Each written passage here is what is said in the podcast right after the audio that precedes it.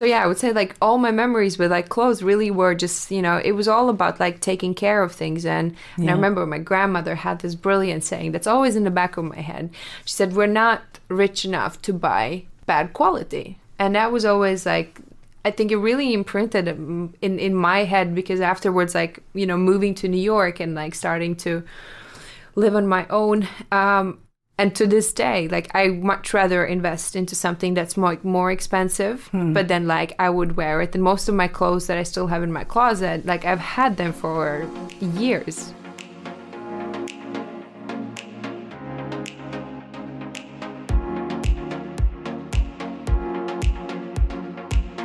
A little unusual this time, this entire episode is in English.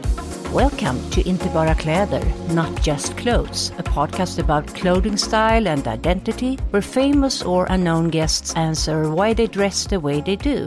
Conversations about belonging, about standing out or blending in, about dressing for a greater confidence, well being, or clearer identity are interspersed with style advice, tips, and tricks. I'm Marie Tosta Linner, personal stylist at Tellclothes. If you'd like to see the guests in different outfits, there are pictures on my Instagram and Facebook pages at Inte bara kläder.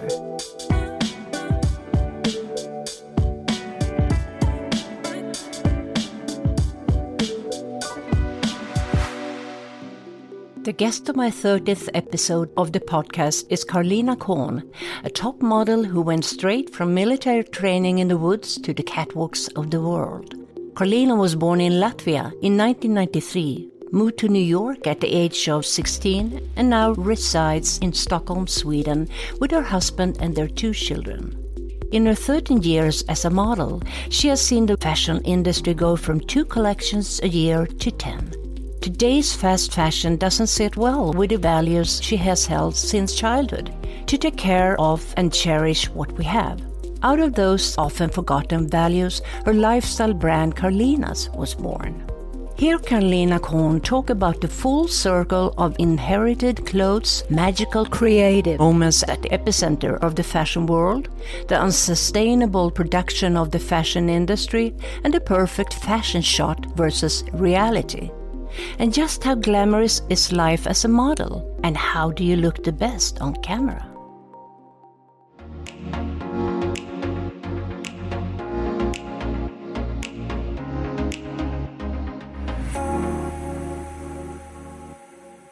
What are you wearing right now, Karlina Caune? i'm wearing a t-shirt actually i made uh, for carlinas and then i'm wearing a like a moss green uh, shirt and some jeans that i found in the local thrift shop and just black boots because it's slush outside okay. And how do you feel in your clothes? I feel like myself. Like that's always been something that's incredibly important for me that like what I wear makes me feel able to go and do whatever comes to mind. Uh, whether that is just being by myself or running after my children or getting some work done, I need to feel comfortable. I need to feel that it represents who I am and who I feel, and that it doesn't create a complete different person. Do you have any clothing memories from your childhood? I do actually. Uh, I grew up in a post-Soviet country in like the late '90s, which you know in the rest of the world was quite developed. For us, it was still, I would say, the Wild West, right? And um, there really wasn't that that that much choice to to go to the shops to buy it. You would go to the local shops, and most of them were actually like secondhand stores. And uh, you would always get like a new set of pants and um, a sweater in late August, just before the school year. And then, you know, you would always see who's grown how much by the end of the school year because it would just be like indicate how, how much shorter they are. But generally, with clothes, like one of the most exciting things that I remember, like my, my mother had a friend uh, who had a slightly older daughter. And so as soon as she grew out of her clothes like i actually got to have them. And like i always remember that excitement like when you would get clothes from someone else because obviously like the whole shopping culture was not there you know? So you really you you got your one set of things uh, your, your new sweater and your new pants once a year and then everything else was just kind of passed on. I had my my cousins i was the oldest one and my cousins were boys and so much older. So I didn't get that much from my cousins, but like, yeah, parents, friends. And then I know once like I was done with something, it was passed on. And then with when I was graduating Forskulan, my mother actually had made, she had a friend who was a seamstress and she made this beautiful princess dress. And then down the line, um, I have quite a big age gap between my younger siblings. All of them wore that exact same dress. Like my mom just altered it, like added some flowers. And mm-hmm. then about a year ago, we were back home and my five year old daughter found that same dress and she thought it was oh. the coolest thing ever. And like she Oh. just spent like two days while we were back visiting grandparents wearing that dress. And we thought, okay, this is a full circle. So yeah, I would say like all my memories with like clothes really were just, you know, it was all about like taking care of things and, and I remember my grandmother had this brilliant saying that's always in the back of my head.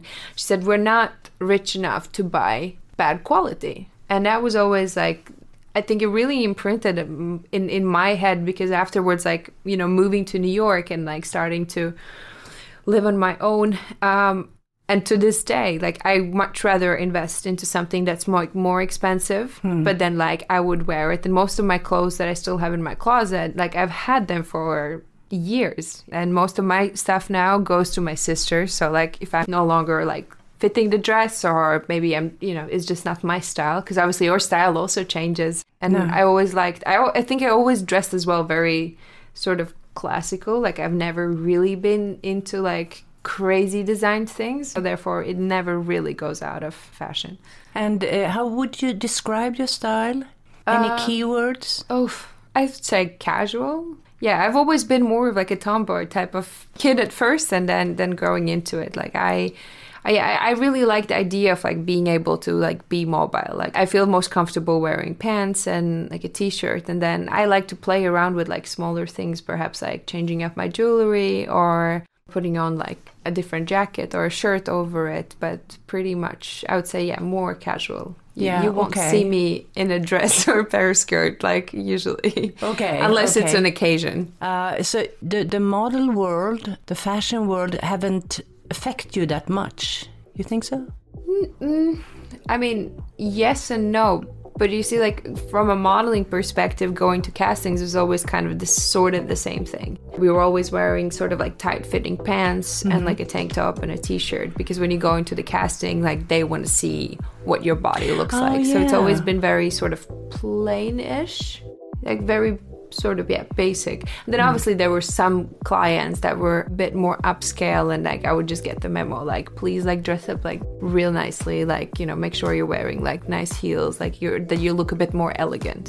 So you would have certain times with certain clients you know like you would just dress up. Or if you were to go see a client that's um I, for example, I mean, I'm just blowing examples, but like, you know, acne or rag and bone, you know, like mm-hmm. you'll wear something that's like more Fits cool in. or exactly. Yeah. Or if it was a brand that really wanted to see who you are and mm-hmm. like that they were like more focusing on like hiring you with who you are as a personality. So they want to see who you are. So you have to think a while before you get dressed when you go into certain places.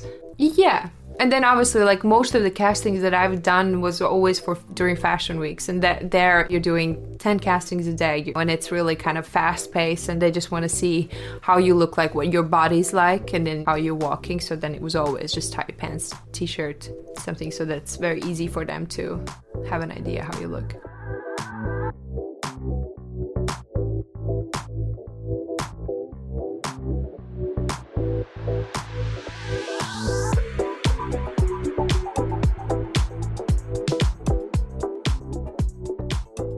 And in your teens, what kind of style did you have? Uh, it's not easy when, when it's like as you described, but what would you want it to look like? Did you have any style icons or, or did you get any ideas from movies or anything like that?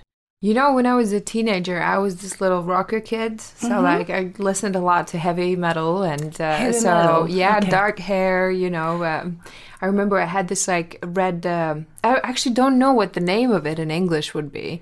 But, you know, those, like, red sort of checkers pants that all the punkers yeah, wore? yeah, yeah. So I had that. Plaid. Uh, yeah, exactly, Mm. exactly. And hoodies and sweatshirts. And, you know, it was just kind of, like, colorful, like, Do you have any style icons today? that inspires you?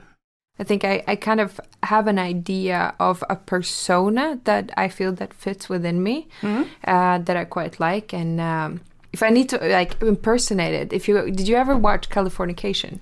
No. So there is the the wife of the main, uh, the old girlfriend or the, the of this the main character. Okay. And um, she always kind of had this like really. She was always very natural, uh, and she was always like very elegant, like very cool. Like I, I really always watching the show. I always thought like, wow, this is actually amazing. Like someone that's just like naturally just so like nonchalant, cool. And mm. so I would say like not necessarily exactly how she dressed, but like that feeling of that like you are you mm. and that you carry like the clothes are not determining who you are as a person, but it's just like a way of how you express who you are. Mm. So you really just kind of wear your personality first, mm. then the clothes come second. You started your career at 16 years old? Correct. Yeah. And yeah, can you tell us a little bit about it? At age of 16, actually, funnily enough, I just started doing a military prep course because that mm. was something that I thought I was going to do. I was super into it. Um, there's um, sort of a youth uh, organization under the defense ministry in Latvia that like prepares sort of it's it's. We were always laughing that like you know if if you were to compare it to Boy Scouts, it's somewhat similar. However, Boy Scouts scrub pants, we learn how to clean a gun, and and um, and and basically you do it well, as like an after school thing uh, during like high school, and then once you turn eighteen, you you go in, you get like your last uh, sort of uh, exam practice. I don't really know how to explain it, but you know, like you're part of a battalion, like you have like your unit and like your unit leader, and then we would have like these games. Um, like physical um, competitions between like other units um, and then we would go into the woods for two three days. And you know they'll teach you like the basics of like the, the strategy and so on. And that would actually count as a military experience because mm-hmm. that's what i wanted to like continue after high school. So the first time i met my agent i was literally just out of the woods for two days. Like i was still wearing my uniform. And i was like what is this? But i was like okay sounds fun. I mean traveling good money right, let's give this a shot. And then, well, yeah, it wasn't even six months later. All of a sudden, I was like, you know, I'd landed in New York and I was like in a, in a cab. And then it was like in the movies, you know, when you're like, when there's like Home Alone too, you know, when Kevin's in, yeah. in, the, in, the, in the cab and he's just like looking out the window and he sees all the big buildings. You're just like, oh my God, what has happened? but how, how did an agent discover you? There was a competition. So he used to work for an agency in New York that had this like big model scout. And that summer, I had a classmate who was really passionate about photography. And we just kind of, yeah, out of just boredom and uh, trying out new things, like she was taking pictures and she had taken some pictures of me. And then it was my cousin actually that had like sent it to him. And then all of a sudden, like I was part of this competition. And then it was, you know, I got I got further and further, and then I went to Brazil for the main event, and uh, and ended up like winning the whole competition, and um, so it was just uh, it was a little bit like kind of crazy, but I always wow. felt that I was like my, my my my personality really fitted into it because I was like this is not really anything I ever wanted, but why not? But All it's right. also really funny from like that competition. You see um, the the like the Latvian or the Baltic final. You see all the girls that you know it was me and three other girls who kind of got further and were going to Brazil for the the global event. Mm. And everyone's like very like I mean the girls were all of them were really beautiful, but like I was clearly like the odd one out. You know, they all knew how to like walk in heels and you know how to look nicely and, and i'm wearing this gown and these heels and like you just see by my stance that i'm not used to i'm not used to the heels whatsoever so it was just really funny and just like kind of going back and just seeing like you know what was like my style versus like some of like uh, how how different i was and like how you could see that this was really something that i was just like placed literally taken out of the wood and like here heels in new york city Go.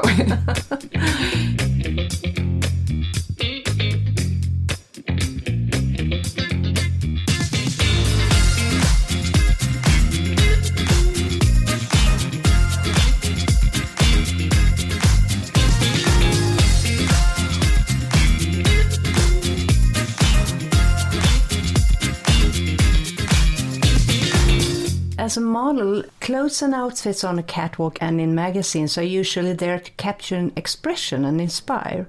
Many are overdone and not easy to wear. What's the most original thing you worn on the catwalk or on location? The most original thing. Hmm. Now I need to kind of go back uh, I mean, on on catwalk, I would say like it would probably be some of the shows that I've done for uh, Giambattista Valli, because he's he always had this really beautiful perception of like clothes and and women, and and for years like we we worked really closely, and I remember just being in his uh, in his atelier, and it was one of the fittings, and you know just seeing that like creative light bulb moment where he's like get me that you know and just standing and like he starts you know and he creates a dress out of absolutely nothing you know Whoa. and you're just standing there in like uncomfortable heels for like an hour and a half and you're just like oh my god Whoa. when is this like i'm in so much pain but you know like it's a it's this like creative miracle and like they just you know and and you just you know out of nowhere like it's just a beautiful amazing thing. And then there's like three incredibly or more probably super like skilled seamstresses that just you know fulfills his creation. And then you see it. I don't think that that day i wasn't even the one wearing the dress afterwards.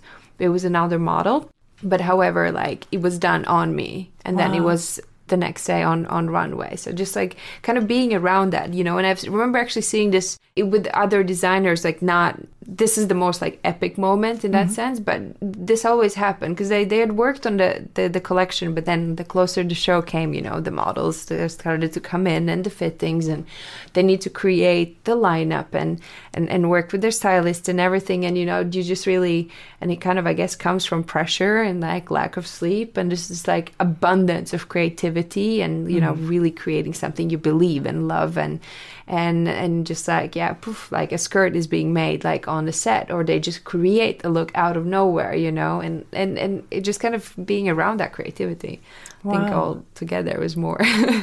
And how has the model modeling world changed since you started you think? What is what is the biggest difference? Is there any difference? Well i would say that firstly it's like the amount of collections. Mm. And another thing, when I started, like e commerce generally was not really a thing, you know, like you were going after. Um, I would say, like, yeah, each season we were maybe like 10 new girls that kind of came into, you know, swim with the big fish, mm-hmm. if I can say it that way. Mm-hmm. And you know, we are all going for like the same campaign. You know, it was always like, okay, who got Prada campaign this year? Mm-hmm. You know, mm-hmm. who got Chanel? You know, and now I guess it's a little uh, now. I mean, first and foremost, like the whole influencer influencer celebrity has kind of come in and the campaigns are I, I mean there are still there obviously. Uh, perhaps it's also just me being a bit further away from that nowadays but um, it's just not uh, yeah there was like that one campaign so you knew there's going to be this Prada campaign you know? And now I think it's like several things and you know they they use more these celebrities and, and influencers and and so I would say it's a little less creative from my personal mm-hmm. opinion. Like, because mm-hmm. I remember, yeah, it was just you know, you, you, as a model, how I was introduced into it. Like, you're basically a canvas, right? So mm. you, you kind of come in and you become part of someone else's quite big creative idea. Mm. And nowadays, like most of the brands, they're also going obviously because someone that has like a couple million following on Instagram mm-hmm. will maybe sell better or give the brand a bigger push to to media and that's where they kind of put in um, their money and their efforts wow. uh, to to use that and i'm not saying it's bad i'm just saying i think it's a little boring and also that it's so fast. I mean, it, the collections are so many. They are coming out with new collections all the time. So it's hard to um, get an idea what's going on. Mm-hmm. Do you think so? Exactly, exactly. So I think it can also just feel very overwhelming.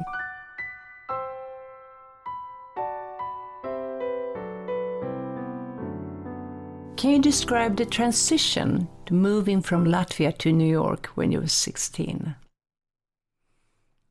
I don't know. it didn't it wasn't as hard as like one would imagine. It was just all so very exciting and so very new and and and it was a lot of fun And then I also thought it was really fun to go back home to, to school and see my family and, and friends. But then I couldn't wait to go back. And uh, so you, that kind of started this, this whole phase of like being two months away, one month home, two months away, three months away, you know, and, and um, the traveling part. And in a way, I always I always struggled a lot as a as a kid to make friends and to kind of yeah have like good friendships. And around high school just as I left I did find a group of people that that, that I did like. And then as soon as I started traveling like it just kind of like withered down. Because I wasn't home. Like I wasn't you know around for like the after school hangouts and the weekends. But at the same time I was creating new relationships uh, with people that I was working with, the girls I was living with. Uh, one of the girls that I, I shared a room with in this model apartment, which is two bedroom apartment. We were five girls in each bedroom, and uh, Isabel, she is to the, uh, she's Swedish, and to this day, she's one of my closest friends. Mm. You know, hmm. so and over the years afterwards, like I've got to meet her family, and her mother's a really close friend, uh, and it's really created these really powerful, uh, meaningful relationships in my life. Mm. And so I kind of felt for a while, I guess, at that age, because it's also so confusing when you're 16, 17, 18, 19, you know, everything's just a bit of a mush. Mm. But you're creating, you're sort of being taken away and you feel like you no longer belong to something what felt was like the core and then there's this something new which you're just kind of trying to figure out among by you know because your personality and your own persona is really developing, especially living alone when there's no parents to just kind of remind you things or just tell you what to do and what not to do. You know, you need to take the responsibility to mm. like not fuck up. So, um, so yeah, I would say that was the biggest transition, and I really, I really enjoyed it. I, I always thought perhaps because I was never the popular kid. It was also super surreal because I'm not joking kids are mean. I was voted the ugliest girl in class like a few years before modeling, you know. Hmm. And uh, I remember boys making fun about me because I didn't have any boobs. And then all of a sudden, you know, I was like, I was in New York, I was a model, like, and then clients are saying like, yeah, it's great, but her boobs are too big, you know, like we can't, you know. All of a sudden, it was just those, and it was just like, all right, like what is this, like Alice in Wonderland kind of situation, yeah. you know? and um, so yeah, it was very different, but it was I I, I think I, I, appreciate every every aspect of it. The best, the the worst, and the in betweens. And what is the worst? Um, I think at that age was just at one point like going back home and just realizing that you don't really belong. I didn't have like my old school friends because we mm. had like hmm. fallen apart and I was in a different school and I was living full time abroad, but then mm. I was hmm. there and you know, it's just this weird age. So mm. it was just one of those like I remember my mom was like, No, but I want to throw a party and I was literally just like getting really angry with her and saying like, Yeah, but I have no one to invite, you know? And hmm. when like that comes oh, yeah. out where like I had a fantastic life. Like I was in Paris and in New York, and mm. I had mm. really good friendships, but just not there. Mm. And you just kind of feel like you're, you know, you're really alienated because mm. like you're from there, you know yeah, everything, yeah. you know everyone, but like your life is really not there. But then it's yeah. So that was that would be one of those that would that would be, yeah, I would say the the hardest. But at the same time, you know, like it's it's it's how you position this right? Mm, so yeah. I was very happy about everything else that i had. Then you know what? Tough life you know didn't have a graduation party but then like i had all these other people that yeah. i met two weeks before that. And because of the industry and like being already living abroad for so long like i really didn't have any and same with everyone else like we didn't have a problem with that. Like mm. it was just like okay you know what? We are classmates. We are graduating today. Mm. like let's go get some beers you know? And mm. and you make the best out of it so it's just really about, yeah, different circumstances.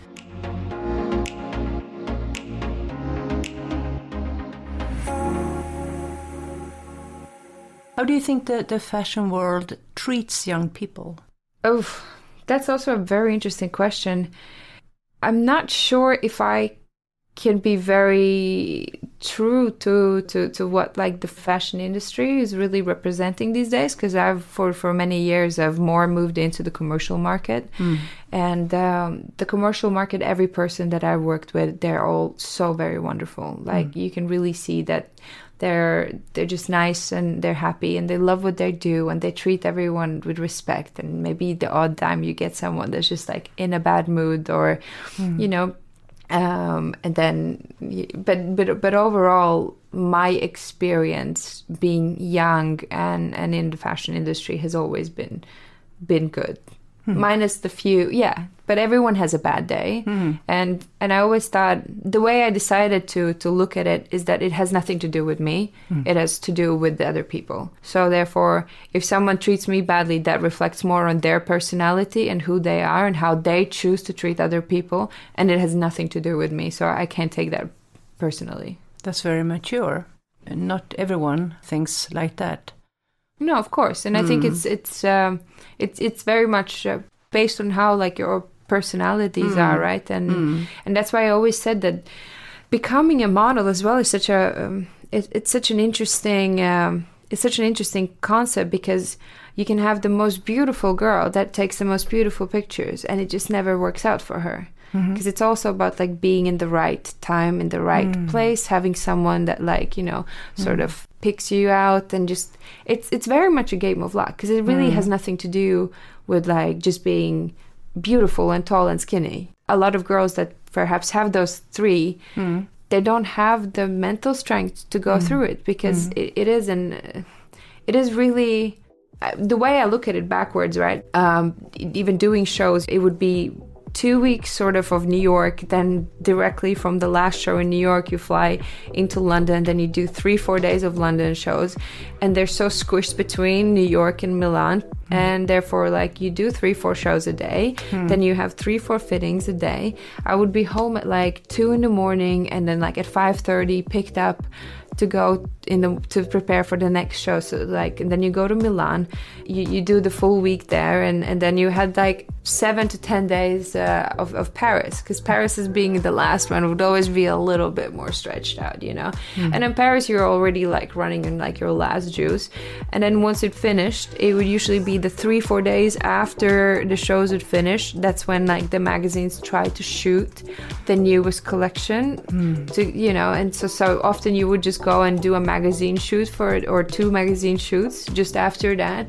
And then i used to i used to actually just like go home to my parents and then for a week i would be completely sick. Because like you're just so exhausted you know and it's it's a hmm. full and you need to have that type of personality that would be able to to kind of like support and like you hmm. really want to like be there and hmm. you know um because no one's no one's gonna listen to you complaining and i always compared it to to like being a pro athlete right? So you you set your goal and it's your choice of being there or not. So, so that's why sometimes as well when um, not obviously with all of them but like when i hear younger generation of, of girls complaining and uh, and they're saying like well you know i was treated wrong. But it, this is how the business is you know. It's mm. you, you as a model have to also understand that you come in as like the last tiny piece of a puzzle mm. of something a whole like a lot bigger mm. that involves a lot of people you know. And um, same goes with um, as well being on shoots you know. I'm part of this and everyone else is depending on, on on one another and everyone supports each other as well. It's not that glamorous that thing think. no no not at all. No, not at all. because yeah as well like i think everyone just sees and they have a, a presumption of, of what modeling is based on like what they show on movies you know mm-hmm. or like america's mm-hmm. next top model. It really isn't like that. It really is long hours. It's it's it's going through castings in february in blizzard in new york you know when like e- even taxis are not driving just mm. getting from point a to point b and and just being exhausted and sometimes just dealing as well with rejection you know like at one point when you're when you're just that tired and you know mm. you're not getting the show that you wanted to do or you just different personal things come up in life. It's really high it's it's high maintenance and you need to have a lot of strength for it. And mm. yeah not not not everyone can handle it and that's okay.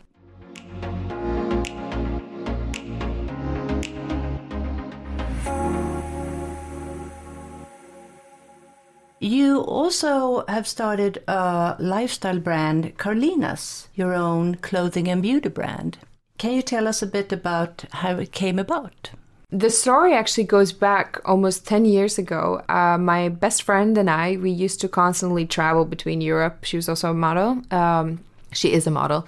We were uh, traveling a lot between Europe and, and US, and this is back in the day when like the tax free actually was you know mm. much cheaper, and uh, we used to always come, which depending on who was traveling, but you know the, the idea was that we always bring a bottle of champagne, mm-hmm. and that we'd meet up the day the person uh, flew in, and just like stay up a little bit and like help each other not to fall asleep to fight the jet lag. Ah. And we would have that bottle of champagne. So we were we were drinking that champagne and we were just discussing our time in Tokyo, and uh, and we were discussing how in it's it's a bit gross, but hear me out on this.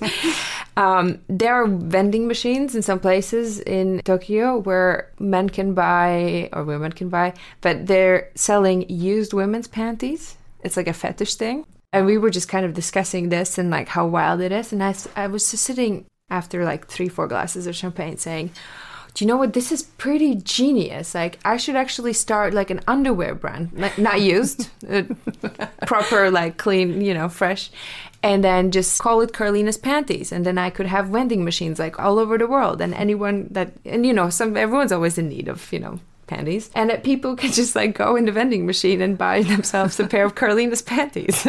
so that was like the initial sort of um, uh, thought behind it, and they kept like resurfacing and going around. And I think it just took me some years as well, and and developing myself. Uh, so that was my early twenties, and mm-hmm. then um, I was um, I started working on it when I turned 27. It was my birthday, and I was just really sort of like the the older I got every year, that the idea just kind of kept coming up, and I but I knew that like I wanted to I started to become more aware of like what are the issues within the industry. Mm. Also seeing the changes in the industry from the modeling perspective. How like you know when I started, it was two collections a year. Maybe some of the brands would do couture. I remember seeing how jewelry as a market space like just blew up. But now you go into any store and you know, they just mm. have like a hmm. huge jewelry section. And uh, also being aware of like how damaging it is. You mm. know hmm. that like how far from the values that I was growing up with, where you hmm. you had hmm. something you really loved and you treasured it and you passed it on when you were done with it or grew out of it, and um, like how precious like your things were, you know, and um, therefore I knew I wanted to create something that like embeds those values hmm. rather than yeah for me like building a brand for the sake of building a brand was not an option so i really wanted to make sure that like i do something that would be kind of bringing it back to bringing it back home. Mm. So hmm. so that's why the the idea is I wanted to create a brand that creates basically that provides the essential items that everyone's buying in any any of the shops, but really bringing it back to like real good quality where we know exactly where the materials come from that mm-hmm. are done in the best manner. Mm-hmm. there's no overproduction. Also each item like our t-shirts sweatshirts and hoodies they're all sewn by hand. So there's actual like seamstresses that that you know this is this is their trade you know? They've spent years learning it and and they're so good at it. So they cut out each sweater has been cut out by hand and it's done by a person. So there really isn't it's not just like mass produced in in in in Asia somewhere, you know, where it's just mechanical labor. So. Mm. And, and obviously like it took it took me about two years as well just to like work through to understand which materials I want. Like, mm. how is that material working out? Just finding the right material so that it keeps the shape, mm. that it is exactly as you want it, you know, and you can wear it again and again and again. So that's that was kind of the the, the idea behind of like these are like the essentials. With the skincare line, as I as I like to say, I'm I'm not aiming to create the best anti-wrinkle cream or or anything like that. What with the, my idea behind it is like we're a family of four, right? Mm. Like going into the bathroom, like we all sort of use the same products, mm-hmm. but then it's like some are for me, then for my husband, then something for the kids, you know, and it mm. becomes a cluster. And also everything's in plastic packaging. So like um, we have three products right now. Um, and the idea behind it is that firstly they're packed in aluminium. Mm. Aluminium is the most versatile um, material because it will always get recycled. And funnily enough, 75% of the aluminum that we use today has been around since like the 70s. And um, and creating a product that is uh, based uh, on uh, natural ingredients, it performs and it's unscented. So therefore, like I can use it. My husband can use it. I can use it onto children. Hmm. It's not overwhelming, and it also doesn't destroy our sense of self because we all have our own scent, Hmm. or we have our own like favorite perfume, and you don't want that to contradict Hmm. or you know, kind of put you in a in a box. Uh, as I like to say with within the brand, like this is we just want to be with you, not shape who you are. So it's it's really goes again back to what I said. You know, clothes is something that is that comes second. You mm. wear yourself mm. first, your personality and who you feel and who you are, and that's the most important thing. So the clothes are more like a frame, not the whole show. Exactly. Yeah. Exactly.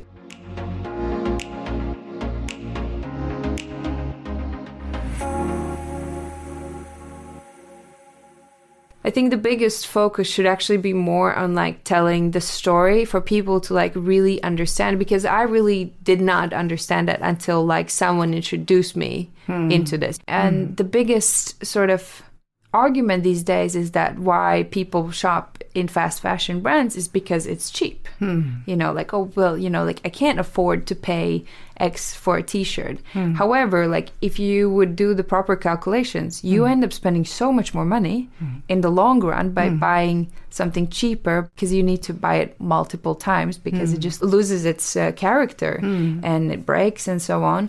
When you understand that there's a, when you buy sustainable brands or brands that do slow production and they don't overproduce, the amount of work that it goes in and that it is an actual person you know that mm. really like has learned their trade and they're probably doing it maybe sometimes several generations in a row hmm. that you're not just buying an expensive item of clothing you're actually supporting someone that lives really among hmm. you rather than just throwing your money at some big corporation Yeah. that has a CEO with a private jet. Hmm. And i think that is something that people perhaps don't really see in the first light I heard something fast fashion is out of fashion. Correct. You know, when when people see fast fashion and they say, "Well, you know, like it's cheap, like I can't afford to buy uh, something else," you know.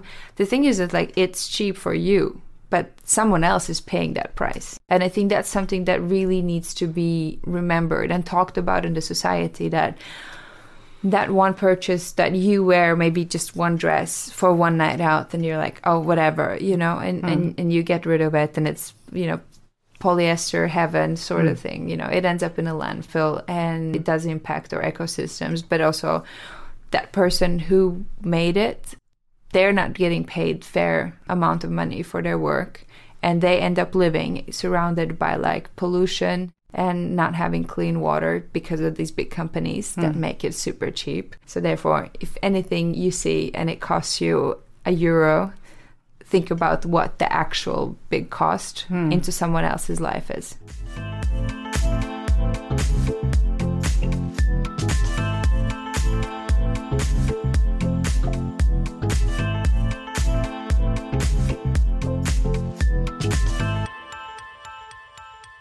from my experience being on the other side of the industry like hmm. seeing how certain items look so fantastic hmm. on on a picture. And then like i just look at it in real life as i'm wearing it and i'm like who would ever buy this? Like hmm. it looks absolutely awful. It's itching. Like it's not nice whatsoever.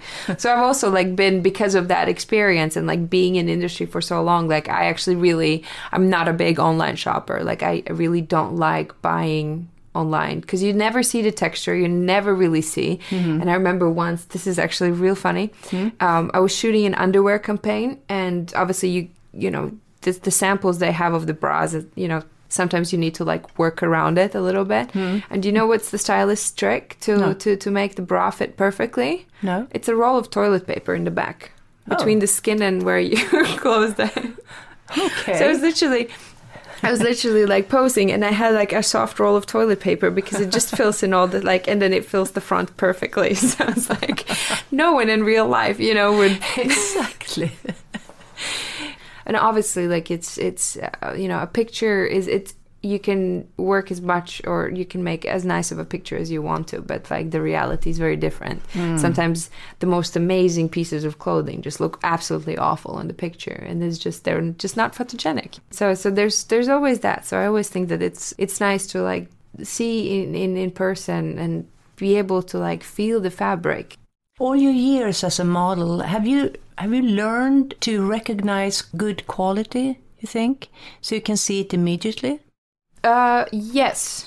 I, I, I believe I, I believe I have. Hmm. Um, it's very it's actually very simple. Like if you start like just looking at um, a piece of clothing and just like seeing how the inside how like how do the seams look on the inside and then just like seeing you know whether there's like pieces coming out etc and um, and then with certain materials it's kind of almost like a seventh sense i feel that i've sort of discovered Yeah. where you just know like if you take like a white cotton shirt right Mm-hmm. like you just know this is gonna be you know Hmm, but it's hard to describe. yeah Hmm, it's just like i think it's just you based on just experience like Yeah. and, and and being around it for so many years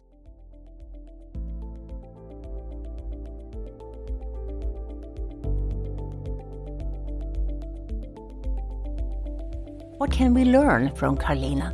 When you get the urge to shop, take a deep breath and think twice so that the new purchase you're thinking about doesn't end up as one of those pieces of clothing that just hangs there. More clothes doesn't make it easier to dress, just the opposite. And the most unsustainable garment is the one we buy and don't wear. But those times when you do shop, choose quality and environmentally friendly manufacturing. It costs more, yes, but you get a garment that will last over time and you help our planet by not contributing to more pollution. Plus, the people who actually make our clothes get clean water and a fair wage. Last but not least, take care of what you already have and try to give your garments and accessories a long, loving, and a frequently used life.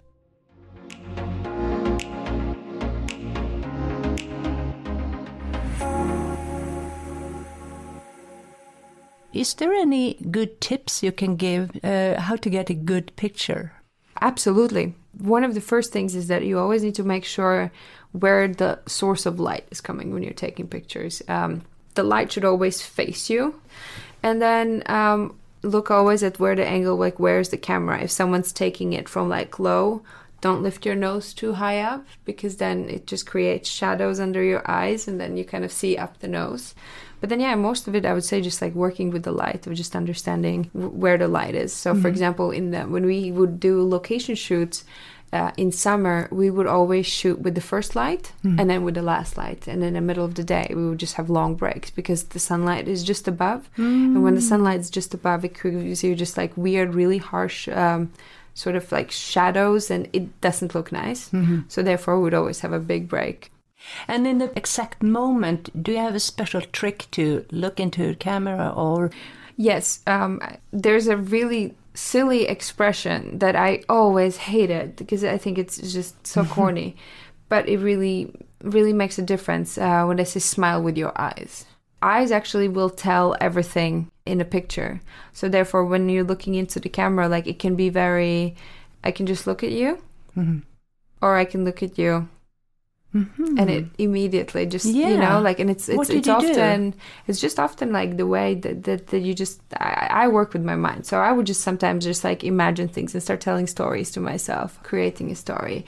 And therefore like you know with the eye stare you become more intriguing and like the camera reads it very well and you would see it I, i've actually had some sometimes that it's been even more difficult to work because there have been some like very big personal sort of crisis that happens you know and then it really like I really need to try to like put it aside because hmm. you really see it in the camera. Like it hmm. just reads that you're not you- you're not in a good place. So then you need to work even more so. So just always like when you're looking to the camera, just like yeah, think a happy thought or think of someone.